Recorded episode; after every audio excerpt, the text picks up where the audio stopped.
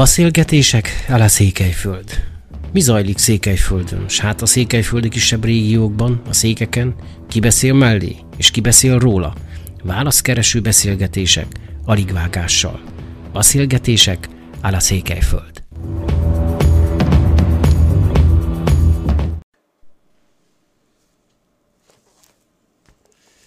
Egy kicsit visszautalva arra történetre, hogy kialakult a végleges jelölt lista a szenátoroknál és a képviselőknél. Ott előzetes beszélgetésünkben szó esett arról, hogy hát vannak problémák. Miről is volt szó, miért gondolta úgy, hogy, hogy jelölések körül lehet bármilyen probléma? Hát elsősorban arra gondolok, hogy hogyan sikerült megoldani. Lévén, hogy nagyon sok minden, ami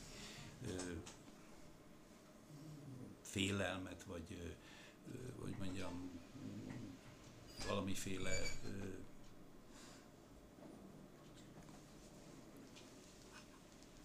kezdjük elő. Nem, nyugodtan lehet. Tehát folytassuk meg. Folytassuk. Hát egészen ezen év közepéig az állandó félelmem az volt, hogy a bizonyos magyar átok megint itt lesz közöttünk, és a megosztás, az egymás ellen való küzdelem jegyében fog a 2016 év választása is zajlani. Én mindent megtettem magam részéről, és nem csak mostantól, hogy valamiféleképpen kialakuljon az az összefogás, ami az egyetlen esély, hogy 2016-ban még megfordítsunk egy olyan folyamatot, ami ö, roppant káros az egész közösségünk számára. Ez pedig a, ö,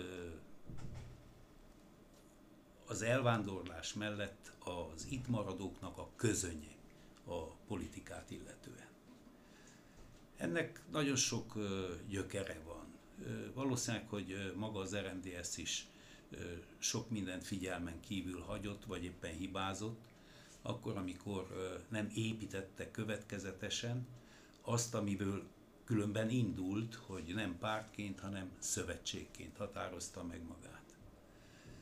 Ennek az első valós, mondjuk úgy eredménye, pontosabban amikor már ez megvalósulni látszik, az 2016. Most úgy érzem, hogy jogos volt az, amikor a jelölő, jelölések leadásakor, ez az én tisztem volt Csíkszeredába a választási bizottságnál, a sajtónak azt nyilatkoztam, hogy a magyar jelöltek listáit adtuk le. És felkértem mindenkit, felkérek mindenkit, hogy a közös magyar listára szavazzon.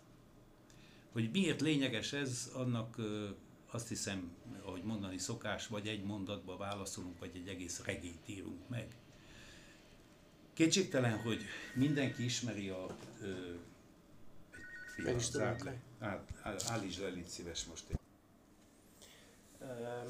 Tehát visszatérve ahhoz a gondolathoz, hogy Egyáltalán felmerült önben, tehát ön kételkedett abban, hogy induljon, vagy volt, volt ez a kérdés felmerült-e? Röviden, hiszen most már eldőlt, hogy ö, indult, már a múltról is mit beszélni, illetve ami... De van, mindig van mit a múltról beszélni, és mindig minden pillanatban érdemes egy kis mérleget vonni, hogy mi is történt, és mi történhet a jövőben és felmerülhetett az is, vagy felmerült, hogy Nyilván, esetleg nem akarják, hogy ön bejutó helyen szerepeljen a listán? Hát én inkább abból indultam ki, és azt hiszem ez a fontos, hogy itt udvarhely széken azok, akik ragaszkodtak ahhoz, hogy vállaljak még egy, induljak még egy mandátumot, egy mandátumon, azok a, a polgármesterek, az RMDS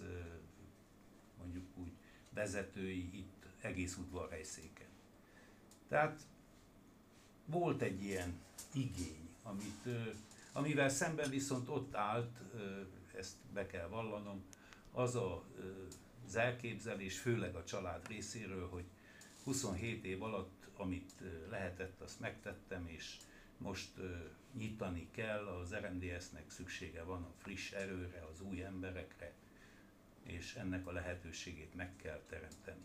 Én ezt nagyon jónak látom különben, és minden erőmmel azon is vagyok, hogy ez az időt, amit még a politikával foglalkozom, addig az egyik fő feladatom az legyen, hogy minél több fiatalt megindítani a közszolgálat útján. Ez nem megy egyik napról a másikra, valószínűleg, hogy ezt kicsit előbb is el kellett volna kezdeni, de talán még mindig nem késő. Kétségtelen, hogy az a 2016-2016-tól kezdődő néhány év, az még olyan feladatokat ró a, az érdekképviseletre, ahol szükség van a tapasztalatra is, és szükség van az új erőre is.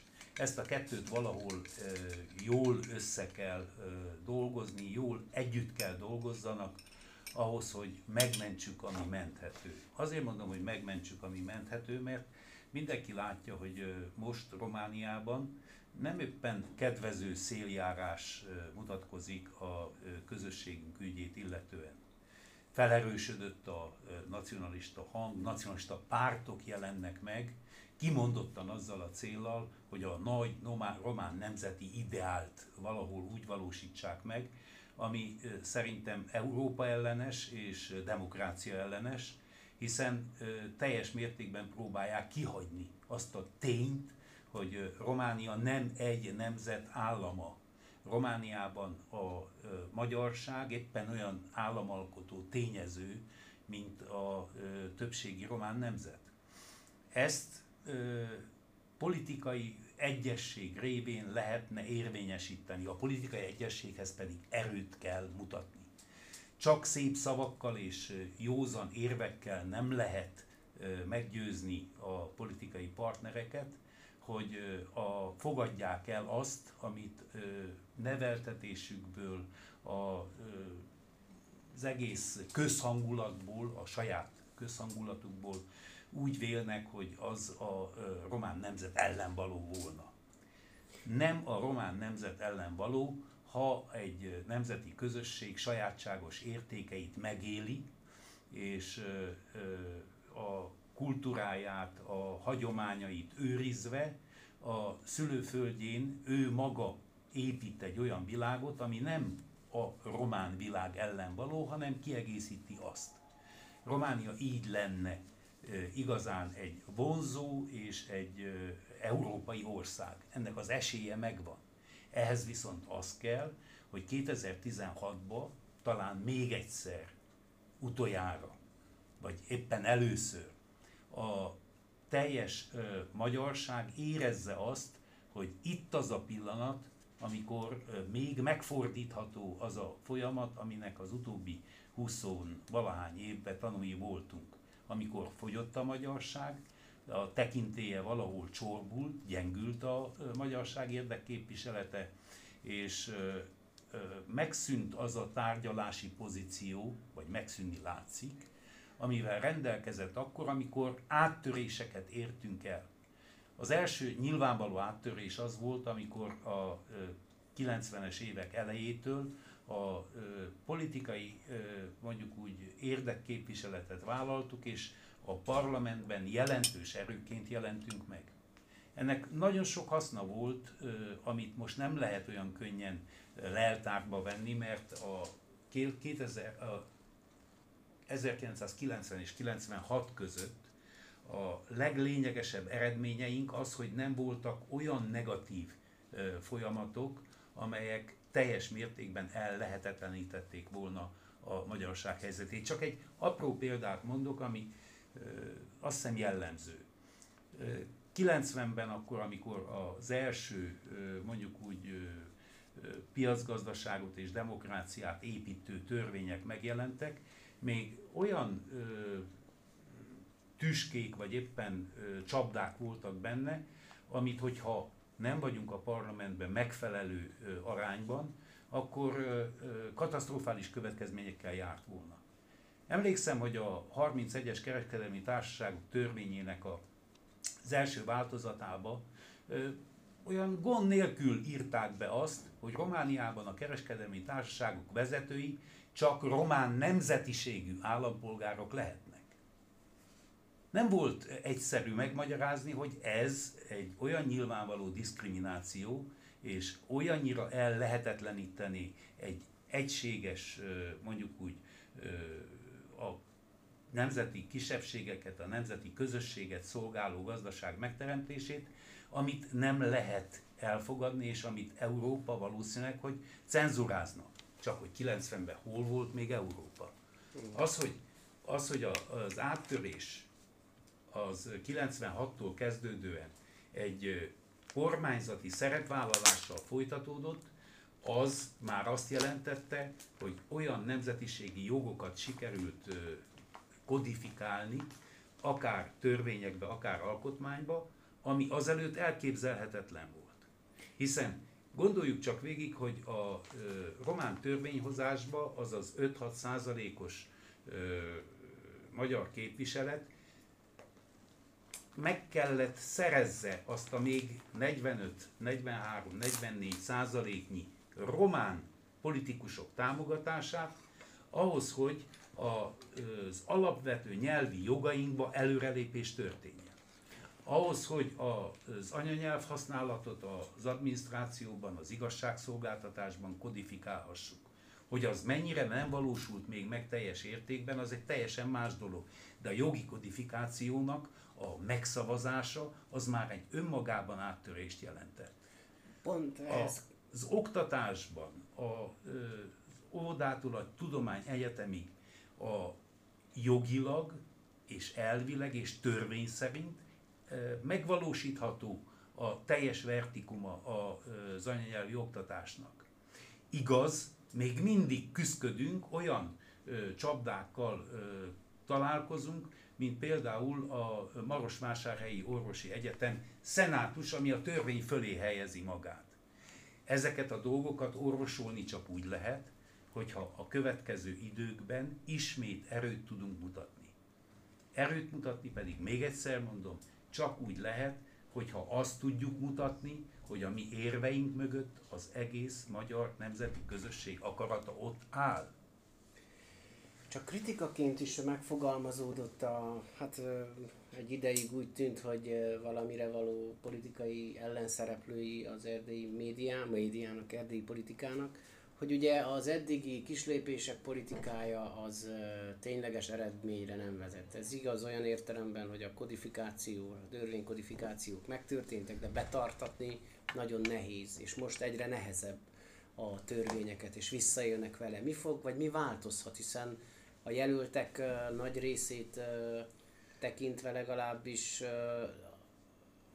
nem cserélődik ki teljesen a, az RMDS listája. Mitől lesz újabb, mitől lesz hatékonyabb, mitől lesz erősebb? Természetesen elképzelhető, hogy egy kórházban minden orvost kirúgunk és beviszünk ö, ö, rengeteg új, frissen végzett asszisztenst és, és ö, friss ö, ö, diplomás doktort de szerintem ez nem fogja javítani, vagy nem javítaná a, a sikernek és a, a gyógyításnak a, az eredményét.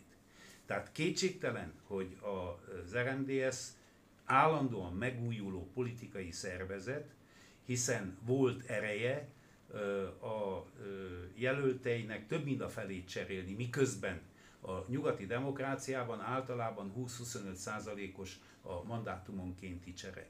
Tehát én ezt a vádat nem tudom elfogadni, és valószínűleg, hogyha valaki ismeri a nyugati demokráciák működését, akkor igazat ad nekem.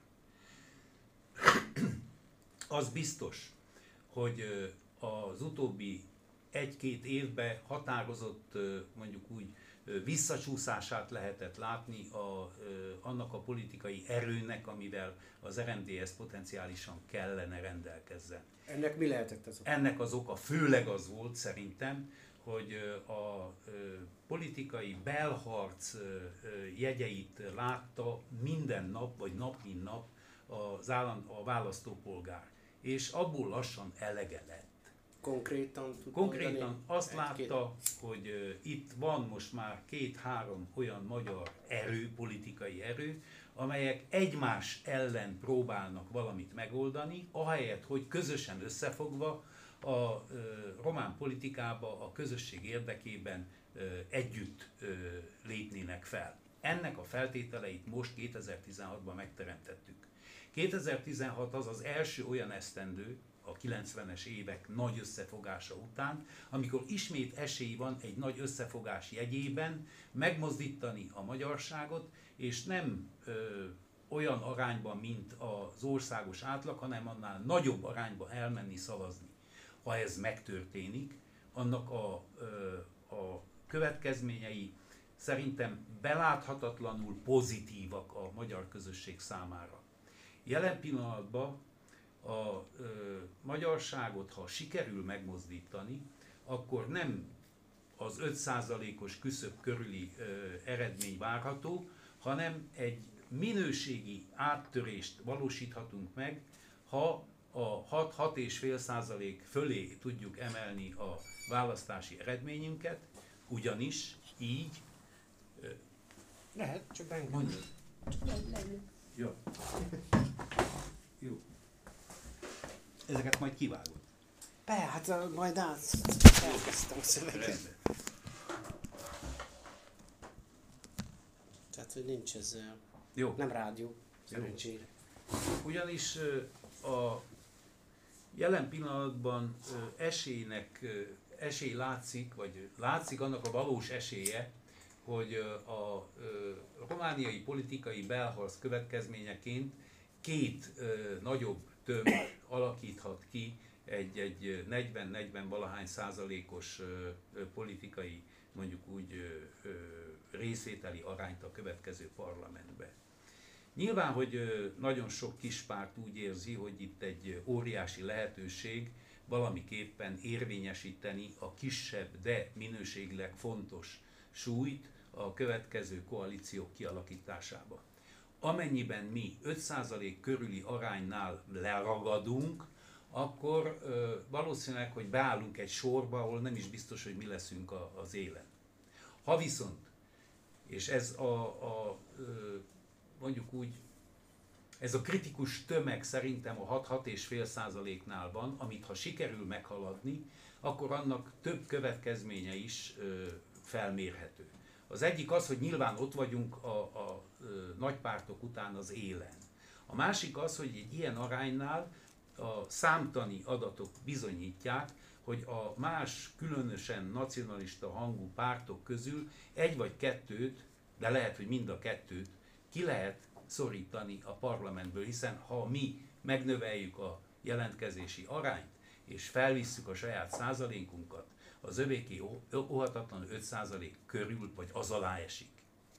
Ezáltal pedig egy erős tárgyalási pozíciót alakíthatunk ki, aminek az eredménye az, hogy nem személyi kérdésekben szólunk majd bele a jövet, következő kormány kialakításába, hanem program szintjén. És itt volt ezeddig is minden lehetőségünk az áttörésre, amikor program szintjén tudtunk beleszólni a... Ez pillanat, ezt fel kell vegyem. Mert azt, amit eddig valós eredményként meg tudunk őrizni és meg tudtunk teremteni, azokat program szintjén valós, valósítottuk meg, vagy intézmény alapítási szinten tudtuk megvalósítani. A különféle mondjuk úgy miniszteri, vagy vezérigazgatói, vagy államtitkári pozíciók jönnek és mennek. Ezek a konkrét programszintű lépések már megfogalmazódtak, vagy majd Természetesen, hogy az RMDS programjában minden ott van. Minden ott van.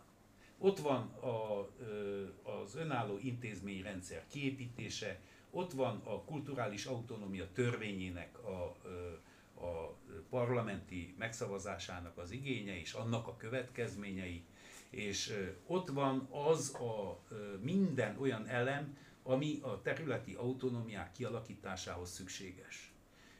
Egy valamit szeretnék nagyon világosan megfogalmazni. Európában nagyon sok helyen működő autonómia amit mi itt megvalósítandónak látunk és akarunk, az a déltiroli autonómia kivételével, ahol megfelelő nemzetközi kontextus kellett, és annak a segítsége és támogatása kellett ahhoz, hogy kialakuljon, minden más autonómia egy belső politikai egyesség eredménye. Egy belső politikai egyesség eredménye. Ezt pedig csak akkor lehetett megvalósítani, amikor az illető nemzeti közösség, vagy van ahol kisebbség, egy olyan tárgyalási pozíciót vívott ki magának, ami a többség számára elkerülhetetlenné tette azt, hogy el kell fogadjon olyan dolgokat, ami első megközelítésben ő ö, úgy vélte, vagy ö, úgy hitte, hogy az a bizonyos állam ö, mondjuk úgy érdekeit sérteni. Mi tudjuk, hogy nem államok, nem az állam érdeke az, hogy a, ö, mit tudom én, Székelyföldön román adminisztráció legyen. Az állam érdeke az, hogy Székelyföldön magyar adminisztráció legyen. És a, mi a sajátságos helyzetünket az ország összértékének a növelésére fordítsuk. Ez pedig csak úgy lehetséges, hogy a törvényi feltételeket ennek megteremtsük. De azért ön ideológia, tehát ideális helyzetet vizionált, mert azért a mai reálpolitika azt sugalja, hogy csak az erő számít a romániai belpolitikában, és ahogy ön fogalmazta az RMDS szerepét, vagy majdani szerepét, ez is egyfajta, hát hogyha most túlozni akarnék, akkor ö, olyan pozíciót vizionál, ahol, ha nem is zsarolni, de erőt felmutatni, vagy erőt felmutatva lehet elérni bármit is. Tehát ilyen értelemben ö, jó szándékra nincsen, ahogy számítsunk a, a romániai politikai pártoknál, vagy ön ezt másként látja? Én úgy látom, hogy a nemzeti ügy megoldása az nem egy nulla összegű játék. És ezt bizonyítja a, a valóság, ha kicsit átmegyünk az ország határán és elmegyünk valahol nyugat fele. Ezt viszont itt megértetni a román politikummal akkor lehet, hogyha a romániai közhangulat is ezt felfogja és támogatja. Óriási a változás ilyen szempontból, de még nem elég. A román közhangulatba, annak ellenére, hogy sok mindent megtesz egy-két média, hogy ezt lerontsa és lerombolja, azért nem jellemző a magyar gyűlölet. Na most nem jutottunk el még a magyarság mondjuk úgy megbecsüléséig és szeretetéig, addig még van de a tiszteletet már azért ki lehetett vívni. Ez az alapja a következő lépéseknek. És ez valójában pozitív erő, erő, mutat, e, erő megmutatása. A konstruktív erő megmutatása. Ez lehetséges. De csak egyféleképpen. Ha most ráébresztünk minden eddig alvó magyart, hogy most ideje fölkelni, és ideje elmenni, és megvalósítani azt, hogy a romániai magyarság megmutatja önmagát. Megmutatja, hogy teljes értékében, és nem 30, 35, 40, 45 százalékában, hanem a 100 százalékában a romániai politikába bele akar szólni. És egységesen akar beleszólni. Sikerült ezt a, az egyességet meg, megvalósítani a, a polgári párttal. Ez egy nagyon fontos első lépés volt, és rögtön követte a második lépés, aminek a kialakításában a józan magyar politikai vezetők jelentős szerepet játszottak, és ezért én különösen hálás vagyok nekik. Ugyanis megtörtént az, amitől ugye féltem, hogy nem történik meg, hogy nem indulnak független jelöltek a néppártos... Erről történt néppártos, konkrét erről egyeztetés? Több konkrét egyeztetés történt, én magam is részt vettem ilyen egyeztetéseken, és örülök annak, hogy a kinyitott kapu az most már tárva áll. A következő időkben ez a feltételt, amit a, nép, amit a polgári párt megteremtett 2014-ben, amikor nem indult az RMDS ellenében, azt most a néppárt is megtette. A 2014 és 2016 közötti időben pedig kialakult annak a feltétele, hogy most első lépésben a magyar lista az a, mondjuk úgy az RMDS szimbólum alatt, de az összefogás listája jelen pillanatban most még csak a az RMDS és néppárt között, vagy a polgári párt között, de a nyitott kapu most már világos, hogy mutatja, hogy a jövő az, hogy egységes magyar listával lehet a közösséget megvédeni a jövőbe. Erősíteni a közösséget és megteremteni a feltételeit annak, hogy itt szülőföldjén ne csak ö, meghúzódva, ne csak valahol átélve ezt az időt, hanem építkezve, gazdagodva, vonzóvá téve a, a, a, a, mi szülőföldünket, ne csak vendégként, hanem hazatelepülőként várjuk azokat, akik máshol keresték most már jó néhány évtizede az egzisztenciájukat. Jól értem, akkor elképzelhető az, hogy itt hárompárti konszenzusos érdekképviselete legyen a magyarságnak? Ez, én nekem mindig ez volt az elképzelésem, és nagyon sokat és sokszor ö, ö, vitatkoztam, és beszélgettem, és javasoltam a, ö, mondjuk úgy a, a politikai viták során a kollégáknak. Én emlékszem, hogy a, annak idején, még a 90-es években, éppen Tóró Tiborral ö, értettem egyet, és értettünk egyet abba, hogy a belső választások jegyében kell az RMDS-t kialakítani, ahol azok a, akkor még nem pártok, de mondjuk úgy politikai műhelyek megfelelő arányban legyenek jelen. Sajnálom, hogy a történelem valahol egy varga betűt íratott levelünk, valahol egy kerülő úton jutottunk el, de valószínűleg, hogy a örök törvény szerint ezt is ki kellett próbálni, ahhoz, hogy végre az egyenes útra tudjunk jutni. Jól érzékelem, hogy a mozgósításnak nagyon nagy a szüksége most. Most az egyetlen esély, hogyha azt, amit mi érzünk, azt, amit mi látunk, azt láttatni tudjuk, meg tudjuk mutatni, el tudjuk magyarázni a választópolgároknak. Például a, választó, a választópolgároknak a nagy része már, hogy mondjam, közömbös, már nem érdekli, és úgy érzi, hogy nincs miért túlságosan mondjuk úgy odaálljon a, a politika mellé, mert az ő mindennapjaiba nem jelentkezik a politika haszna legalábbis nem érzékelhetően jelentkezik. Sokan azt mondják, és ez kritika is önnel kapcsolatban, hogy uh, ugye az, ön a politikai pályáját tudta saját uh, hát itt gazdagodására is használni, ezt kritikaként is megfogalmazzák sokan. Mit mond ezekre a kritikákra, hiszen mozgósítania kell önnek is, az ön személynek is. Mit mond arra, én csak azt vajon, mondom, én csak vajon jó-e az, hogy az ön neve ott van a kritikus. Igen, ez felmerült, bennem is felmerült. Természetesen bennem is felmerült, és a következő a válaszom. Én nyilván addig, amíg a törvény megengedte, gazdasági érdekeltségeket is felvállaltam és építettem ki.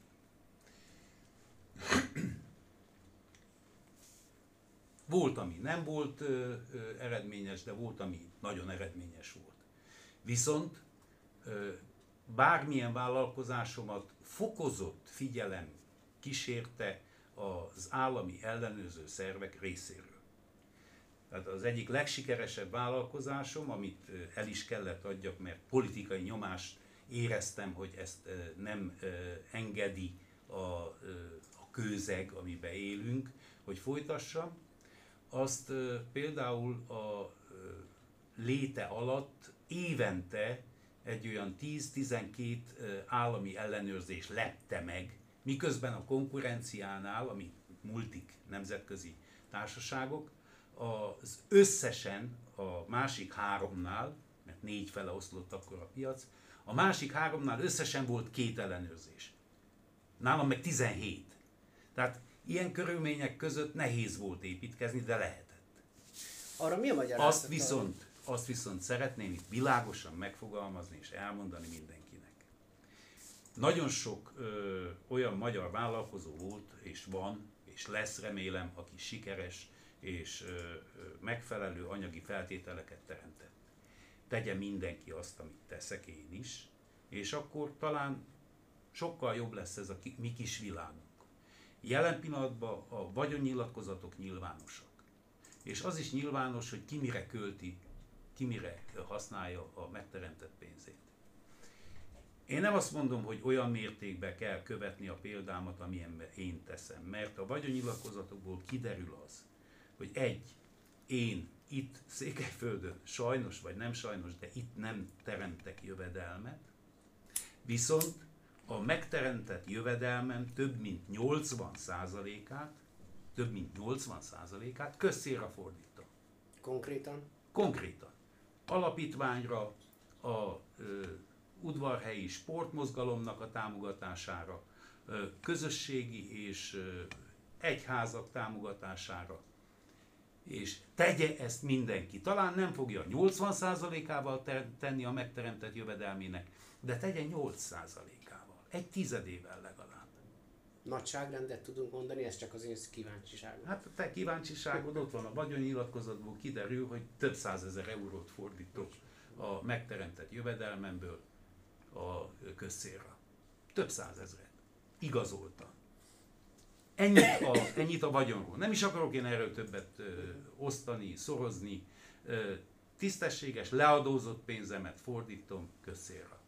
Tegye ezt mindenki, aki teheti. Ennyi. Erről ennyi.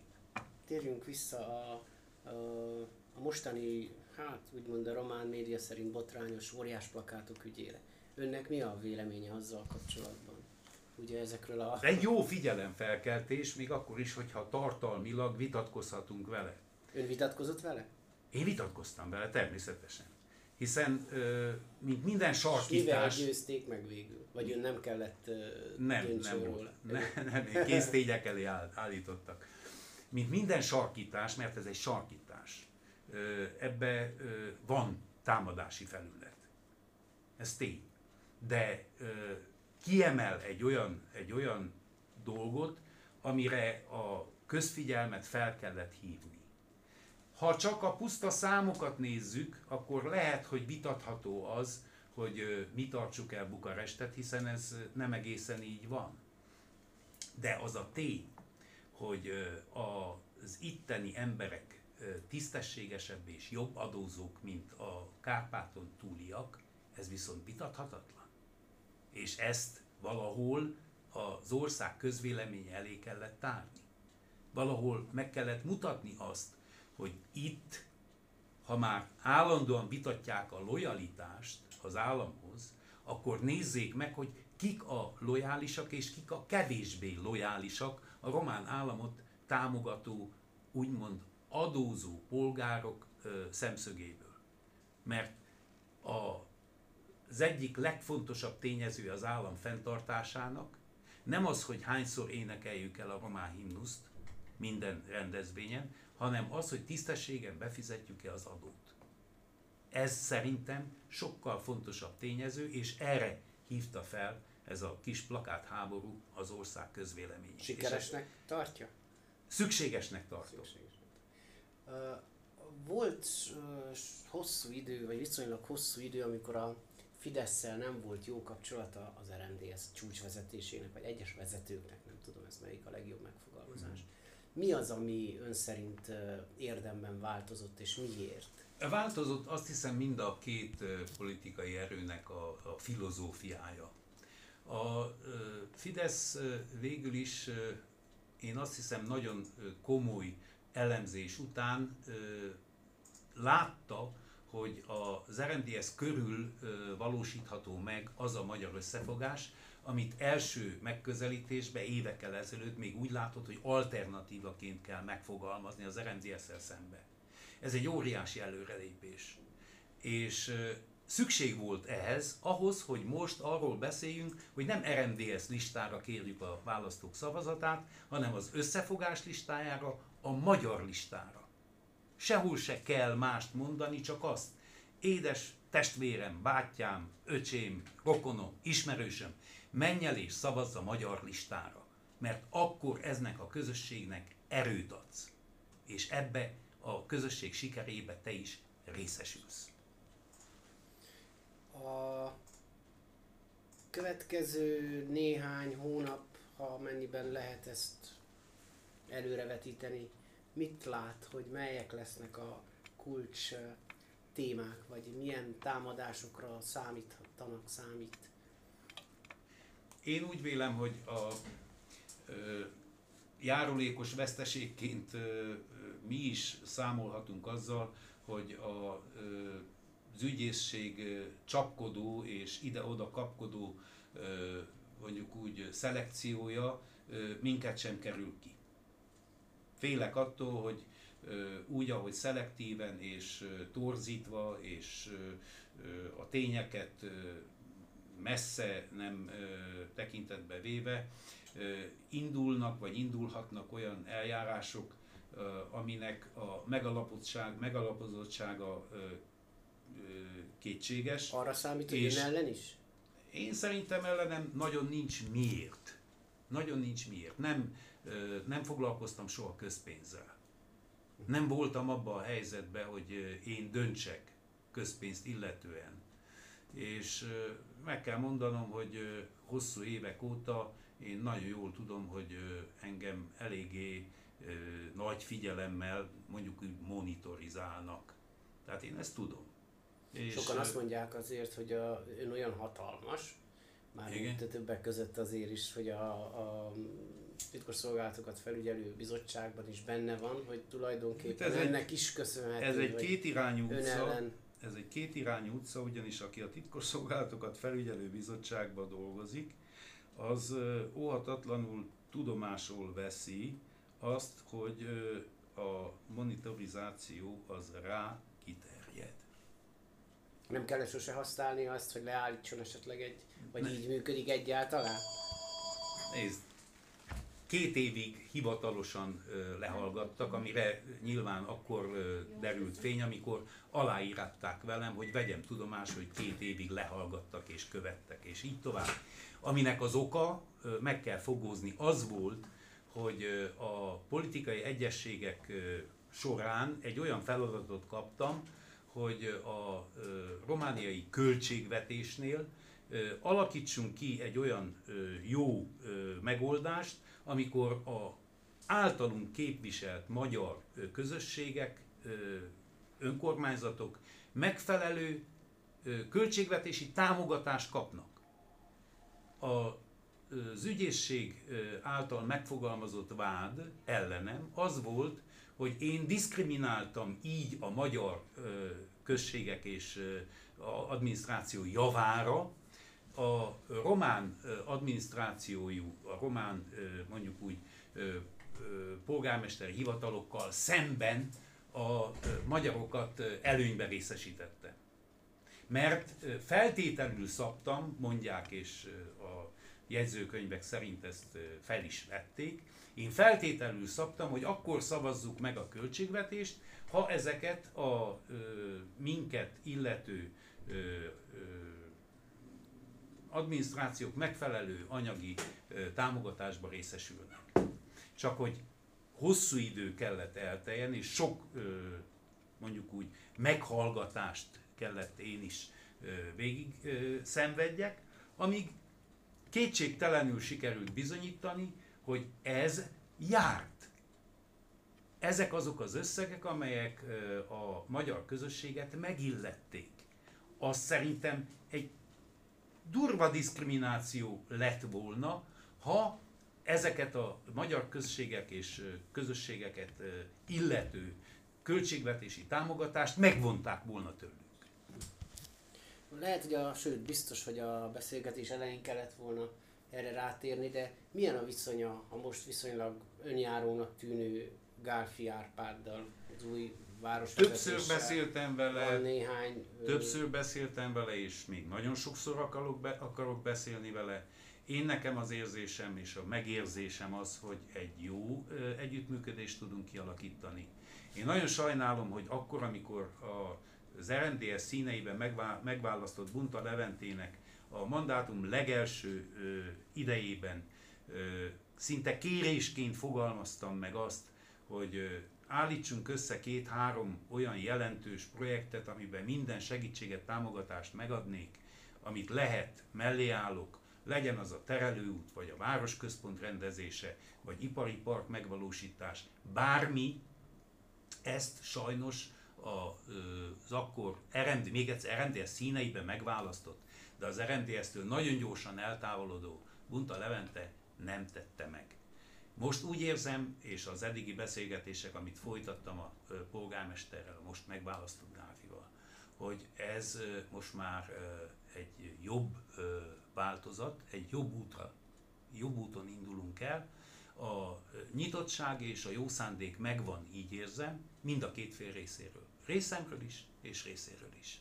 Én nagyon számítok arra, hogy bizonyos dolgok, amiben én nem nagyon láttam, hogy a polgármesteri hivatal mellénk állt volna, abba a most ö, induló és remélem erősödő városvezetés, az majd ö, megfelelő módon viszonyul egy-egy olyan dologhoz is, mint például az udvarhelyi kézilabda ügye. Mert ez nem egy csapat ügye, ez egy ügy. Ebben az ügyben pedig én nagyon szeretném, hogy az udvarhely, amelyiknek a hírnevét öregbíti, a világba elviszi ez a sportmozgalom, ebbe az ügy mellé fog állni, sőt élére fog állni.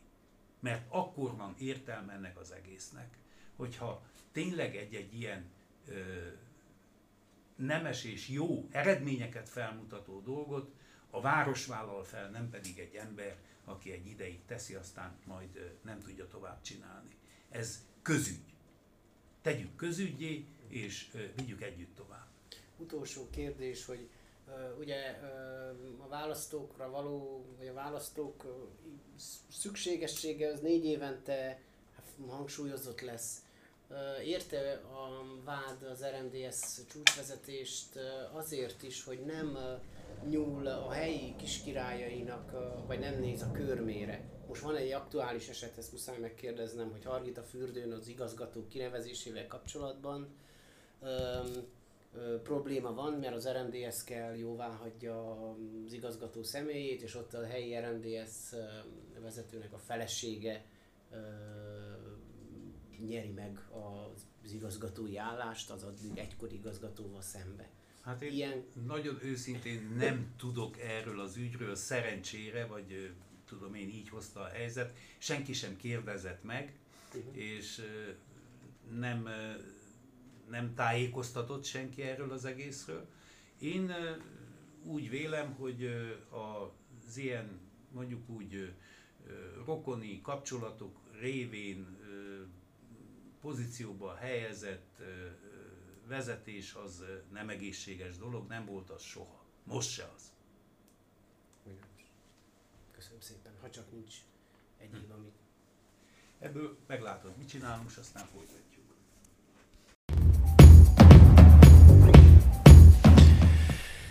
Beszélgetések a Székelyföld. Mi zajlik Székelyföldön, s hát a székelyföldi kisebb régiókban, a székeken, ki beszél mellé, és ki beszél róla – Válaszkereső beszélgetések aligvágással. Beszélgetések áll a Székelyföld.